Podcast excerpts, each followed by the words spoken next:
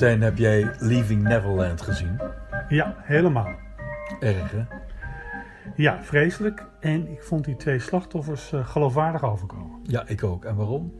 Het deed mij heel erg denken aan de verhalen die ik van slachtoffers van seksueel misbruik door priesters in Amerika heb gehoord. De Predator Priests.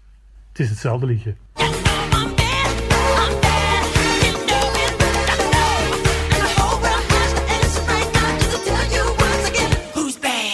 Op 14 maart 2019 is kardinaal Daneels overleden. Godfried Daneels. Stijn, jij hebt hem meerdere malen ontmoet. Zeker. Uh, dat was vooral in de jaren negentig. Ik begon toen mijn uh, journalistieke carrière bij de KRO, bij Kruispunt uh, Televisie. En in Nederland hadden toen bisschoppen die niet altijd bereid waren over de heikele zaken van het geloof. Uh, Simone is uitgezonderd voor de camera te komen. Maar gelukkig was daar kardinaal Daniels, die nooit te beroerd was om in zijn Volkswagen uh, Golf vanuit uh, Mechelen-Brussel naar Hilversum te rijden. Of we gingen daarheen naar dat enorme. Hij reed altijd zelf, hij had geen chauffeur hè? Ja, en ik weet nog dat, dat we een keer in de zomer hadden afgesproken. Toen lag daar voor op, de, op het dashboard een onooglijk wit petje. Dat hij opzette als de zon te fel was. Het was geen gezicht. Maar goed, ik herinner me ook een ontmoeting daar in dat enorme paleis aan de Wolmarkt in Mechelen. Waar hij ja, misschien met één of twee zusters, maar voor de rest alleen woonde. Er wordt nu vaak gezegd hè, dat het zo'n aardige man is.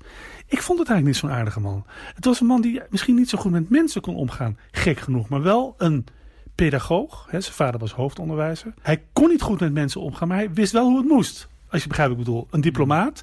Ik las in een Belgische krant een geweldig interview met twee van zijn buurmeisjes. Allebei ook dik in de tachtig. Die zeiden, hij was slim, maar hij kwam nooit buiten spelen. Dus, en dat die gereserveerdheid aan mensen toe heb ik altijd onthouden. Ik heb ook al met hem uh, gedineerd. En dan viel er in zo'n gesprek toch te vaak ongemakkelijke stiltes. Dat, je, dat jij het gesprek maar gaande moest houden. Hij heeft mij voor mij gewonnen in datzelfde paleis aan de Wolmarkt. Toen hij, ik, het was al laat, een uur of tien. En het, het, het, was, het, het was buiten donker. En ik dacht, god, dan komt u thuis van, van een moeilijke vergadering. Dat heeft, dat heeft hij natuurlijk ook wel eens. En dan komt u alleen thuis. Wat doet u dan? Toen zei hij, dan mag ik graag een nummer van de Beatles opzetten. Ja. Nou, dat is mij natuurlijk uit het hart gegrepen. En welk nummer dan? En dan, dan noemde hij Michel, niet een van mijn grote favorieten.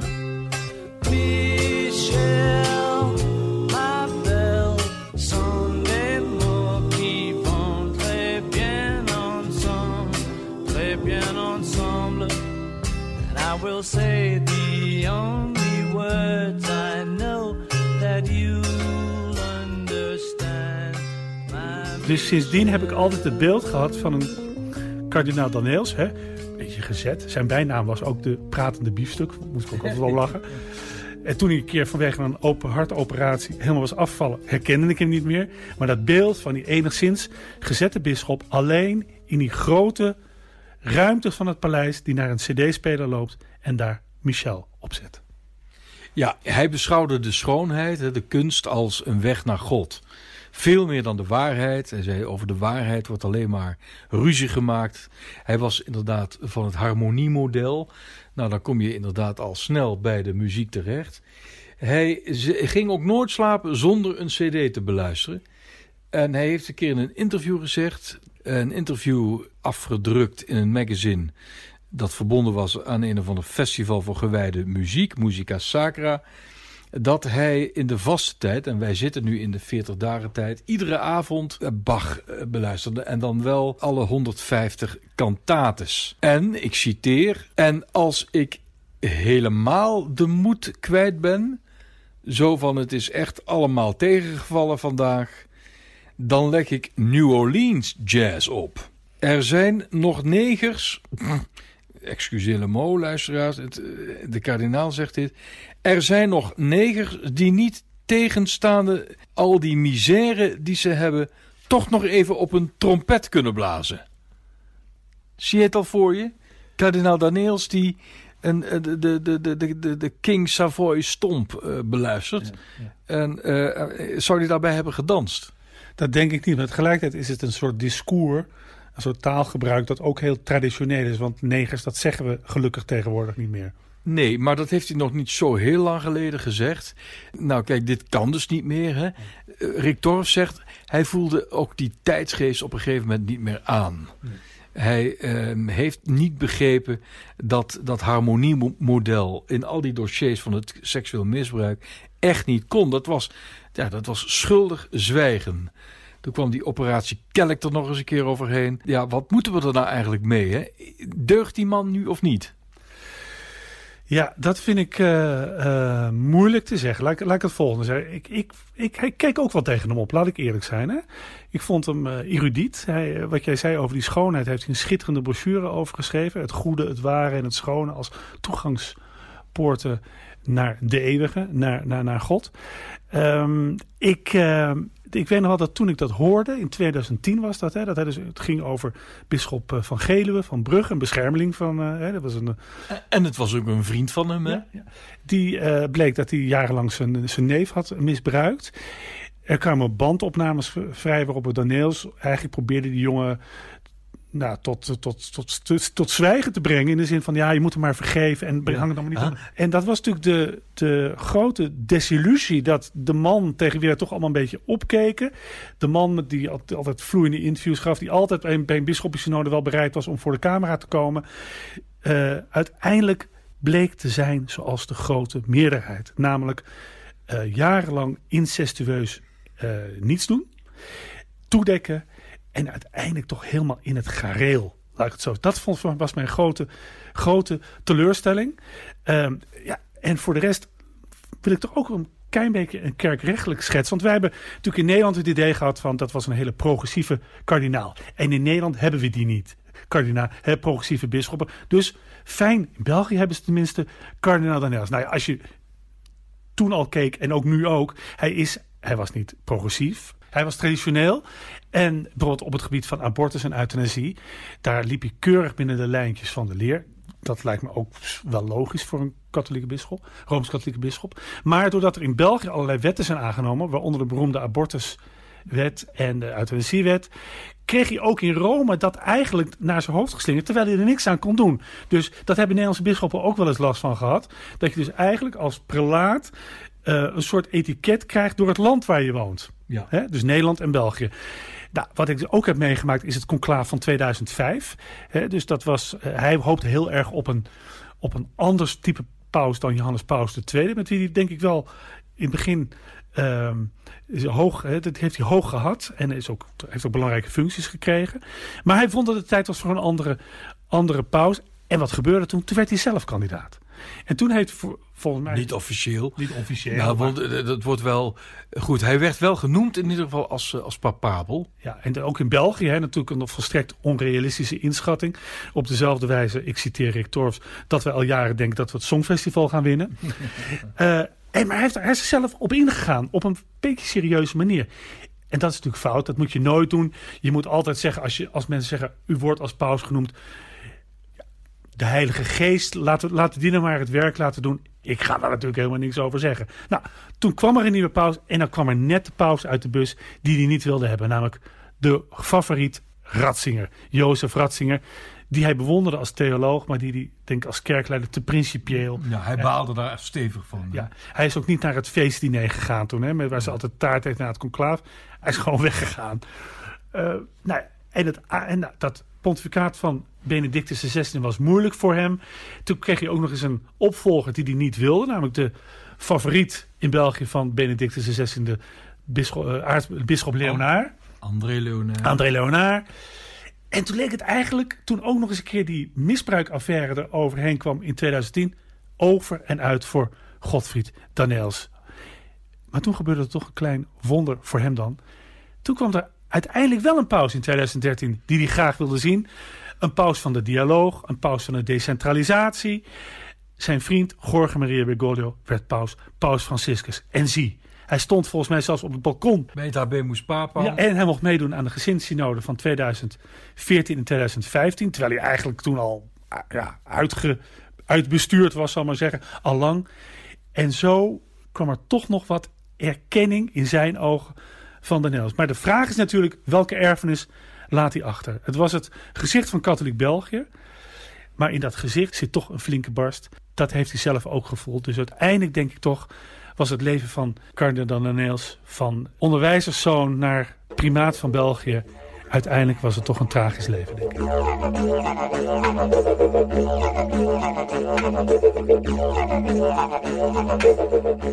En dan gaan we nu naar een andere kardinaal.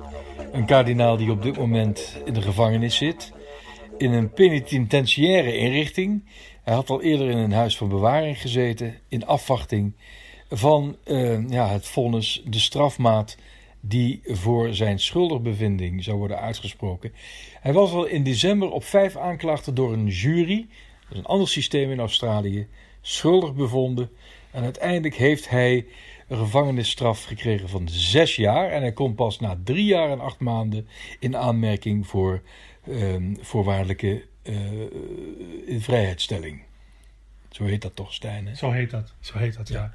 Nou, weet je wat het wel is? Wij zijn dan Vaticanisten, zoals dat dan heet. Hè? Zeker. Religie, religiejournalistiek. Maar wij moeten vertaan echt verstand hebben van juridische zaken en van misdaad en wat iets meer zei. We hebben het er al eens eerder over gehad. Jij zou eigenlijk Stijn R. Fans moeten heten. Ja. Nou, dus ik wil er wel het volgende nee, over zeggen. Ja, maar dat is echt een heel ander, een heel ander ja. genre berichtgeving. Je moet toch, uh, toch, toch wel een beetje je verdiepen in het Australische rechtssysteem. Maar uh, dat hebben we dus ook gedaan. Uh, en het verbaast mij dat Pel is veroordeeld. Leg uit. Hij zou dus in 1996 of 1997 zou die twee jongens seksueel hebben misbruikt. En dat vond plaats toen hij aartsbisschop van Melbourne was. Hij was het nou net een paar maanden na de hoogmis op een zondag, hè, die hoogmis in die kathedralen, die hebben altijd van die jongenskoren, van die liturgische jongenskoren, die dan ook na afloop meegaan in een stoet richting de sacristie. Twee van die jongens die eh, verlaten de stoet en die gaan naar de sacristie om daar te proeven van de miswijn. En die zijn in een lege sacristie. En wie komt daar binnen die hen betrapt? George Pell. En die geeft ze een schrobering en vervolgens zou die hen seksueel hebben misbruikt. En dan staat er ergens in het getuigenverslag, want die jongen die de aanklager is, later een man, wiens naam wij nog steeds niet kennen, die moet ook uh, onbekend blijven. Die zegt, en toen deed hij zijn gewaden open en toen heeft hij ons misbruikt. Nou vraag ik me af, hè, als jij als bisschop eh, zojuist bent voorgegaan, dan heb je een, een toog aan, een soutane, hè? Daarboven een albe. Uh, rond die albe een, uh, een, een, een soort touw, een singel noemen we dat. Dat dichtgeknoopt is. Dan daarbovenop nog eens een keer een kazuifel. Ja? En als jij dan dit soort gore dingen wil doen, dan moet je of die, al die gewaden optillen. Maar dan moet je vervolgens die knopen losmaken. En dan nog je broek. Volgens mij klopt dat gewoon niet. En die advocaat die had dat gewoon duidelijk moeten maken dat daar iets niet helemaal in orde was. Die advocaat die heeft ook de feiten waarvan hij werd beschuldigd een beetje proberen te badineren. Een beetje ja, een, vanille, een vanillezonde. Heel raar, heel raar. Volgens mij heeft de jury daar enorm aanstoot aan genomen. En hij is dus schuldig bevonden op de aanklacht van één vermeend slachtoffer. Die andere die is er niet meer, want die is overleden aan een uh, heroïne-overdosis. De aanklager die zegt ook dat uh, die overdosis te maken heeft met dat seksueel misbruik. Dat kan ik me trouwens heel goed voorstellen als het zo is. Nou heeft de advocaat van Pel een verzoek ingediend tot hoger beroep. Op 5 juni, en dat is al heel snel eigenlijk, sneller dan gebruikelijk, zal dat verzoek in behandeling worden genomen en dan moeten we nog maar zien of dat hoger beroep ook echt gaat dienen. Of er dan ook echt een zitting komt van hoger beroep. Stel nu dat er dat komt, dan, Stijn, dan verwacht ik dat Pel zal worden vrijgesproken. Ik verwacht dat omdat ik het zo vreemd vind dat je op basis daarvan, zonder enig forensisch bewijs, op basis van, van, van het verhaal van één persoon, zo veroordeeld kunt worden. Ja, ja ik, vind het, ik vind het ingewikkeld. Ja. Eh, omdat, eh, ik ben niet bij die rechtszaak geweest. eh, ik ben niet bij die verhoren geweest. Nee, maar we hebben toch wel de, de mensen gelezen die daar wel bij waren. Ja, in ja. december, hè? Ja. Speelden ze allemaal al in december af. Ja, ik hoor, ik hoor jou aan. Ik, ik, ik- dat klinkt allemaal buitengewoon eh onrealistisch. Maar ik heb wel gekkere verhalen gehoord.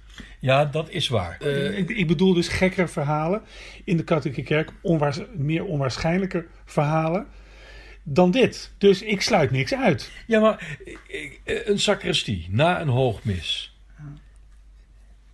Dat is een plek waar heel veel mensen komen. De koster. Hè? Die de, de, de voorgangers. Hè? Want, want een, een bisschop gaat nooit alleen voor. Hij heeft altijd concelebranten. Misschien nog een diaken erbij. De misdienaars. Hè? Het gaat hier trouwens niet over misdienaars, maar over koorknapen. Nou zou, zou, zouden die twee koorknapen alleen daar eh, aanwezig zijn. En worden aangetroffen door alleen Pel. Ja, ik vind het ongeloofwaardig.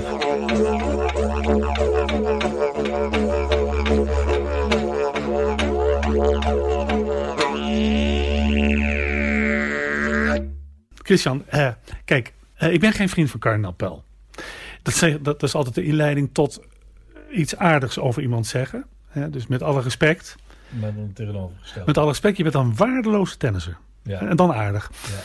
Luister, ik ben geen vriend van uh, kardinaal Pel. Ik heb hem een paar keer ontmoet. Dat waren niet heel, gema- heel gemakkelijke ontmoetingen. Maar. Maar als je de hele toon in sommige kranten in Australië rond deze rechtszaak ziet. En ook die rechter, eh, Kid, Ja. Kid, zal wel Bruce van zijn voornaam heet, zoals alle Australiërs.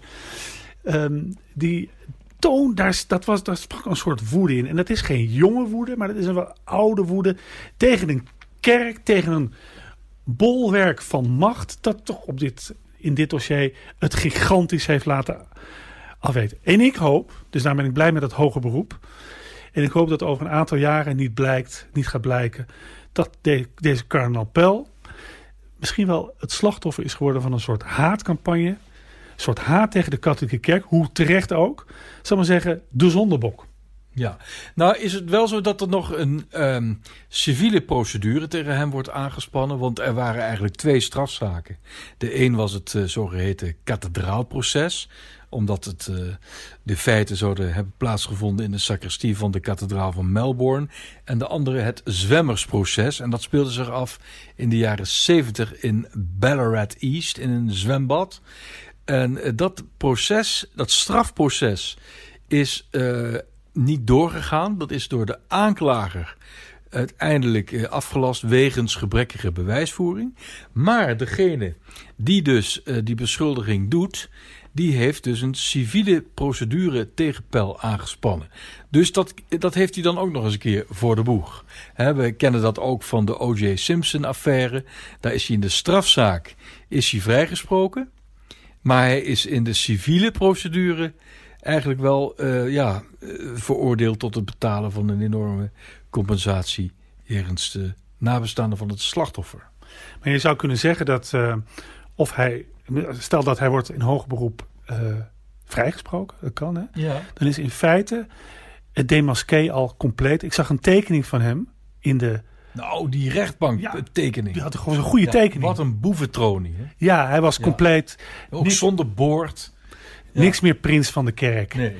Niks meer hoge functie in Rome. Nee. Gewoon een slecht pak en geen boordje. Ja. Maar stel nu hè, dat hij inderdaad onschuldig is. Laten we daar even van uitgaan. Wat gaat er dan door zijn hoofd? Kijk, wij weten allemaal dat een kardinaal die rood draagt, die draagt rood vanwege het bloed van Christus. Dus zou hij zich dan vereenzelvigen met zijn Heer, die ook onschuldig werd aangeklaagd? Maar ik vraag me af, hoe handhaaft deze pijl eh, zich in die gevangenis? Hoe gaat zoiets? Wordt hij, krijgt hij bescherming? Want iedereen weet dat pedofielen in de gevangenis het behoorlijk zuur hebben. Die, die, die, die worden afgetuigd eh, onder de douche, weet ik het. Nou heeft hij in ieder geval één voordeel. Het is een reus van een kerel. Hij, heeft ooit een rugbycarrière laten schieten voor een kerkelijke loopbaan. Maar rugbyen kon hij zeker wel. Eh, we gaan het allemaal zien. In juni dan dient eh, dit hoger beroep. Tenminste als het verzoek daartoe wordt ingewilligd.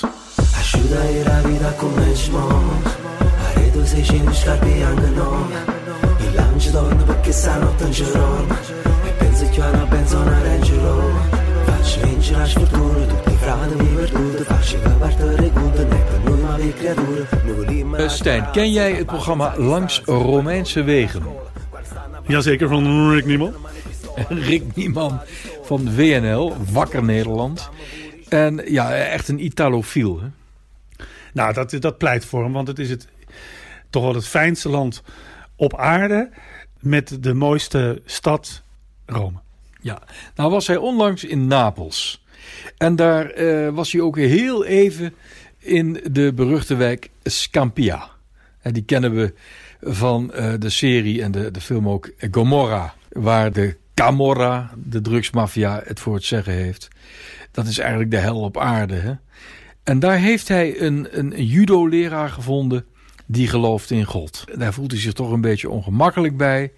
En hij heeft gesprekken met allerlei Napolitanen die het goed menen, maar die hyperreligieus zijn, zoals we dat kennen in die Zuid-Italiaanse stadjes en, en steden en, en, en gebieden.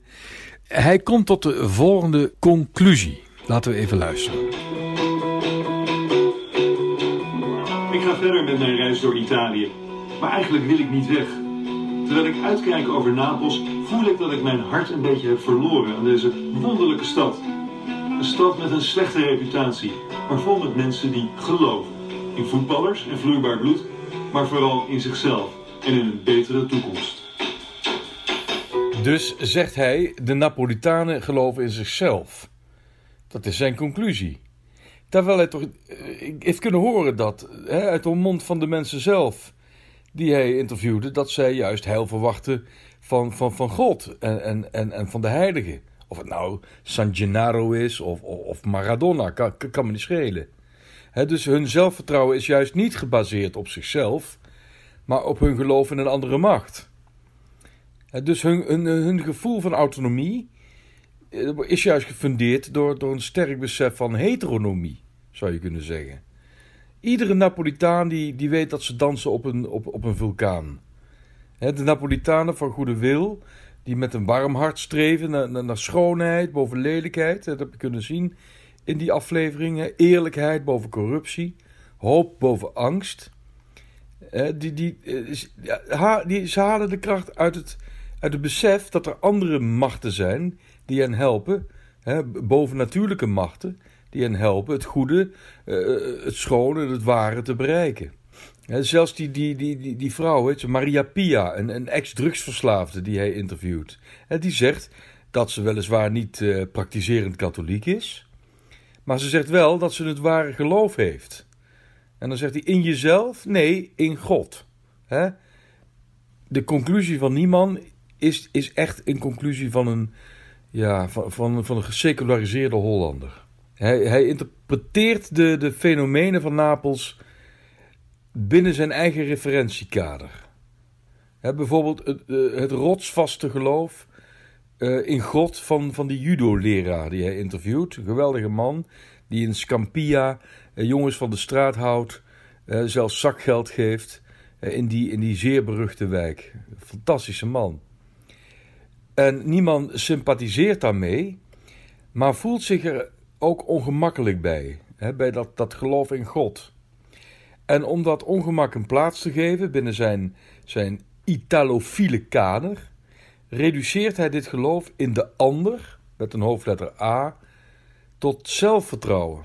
Weliswaar opgewekt door wat bijgelovige rituelen, maar dat is slechts een middel en geen waarachtige grond. Ik denk dat, ja, dat hij dat niet echt wil zien. Nou, nou, Christian. Dat is nog een hele beschuldiging. Nou, beschuldiging.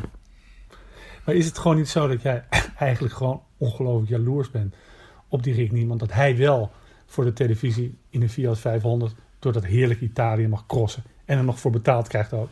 Ja, maar, ja, maar ik, ik bewonder hem ook, maar hij spreekt wel erg goed Italiaans.